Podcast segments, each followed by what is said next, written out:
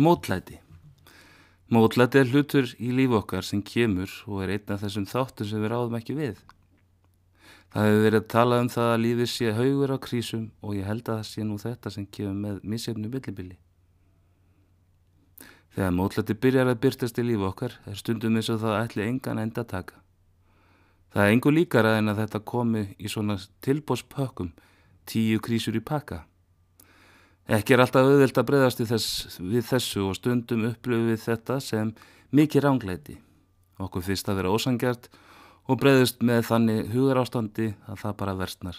Það lagast ekki. Eina leiðin til að takast á við mótleiti er fyrst og síðast að styrkja sjálfan sig og ná tökum að sína andlugu líðan og tilfinninga ástandi. Það er ekki þannig að það er ekki hægt að smegja sér fram hjá þessu mótleiti. Það er ekki hægt að verða flinkur í því að smegja sér fram hjá mótleiti en hægt er að takast á við það og fara í gegnum það og þá fyrst verður það reynslu sem að nýtist okkur og styrkir okkur. Mótlætti styrkir okkur en veikir okkur ekki.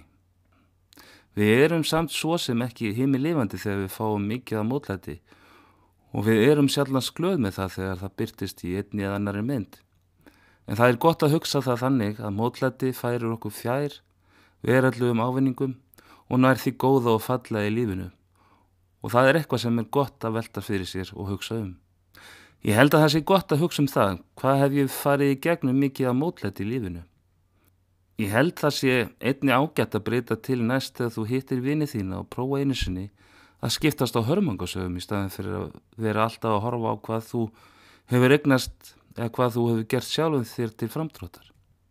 Þá færðu kannski aðra sín á lífið og tilveruna og það er nú kannski grunnurinn af því að láta sér líða vel og eiga góðan dag.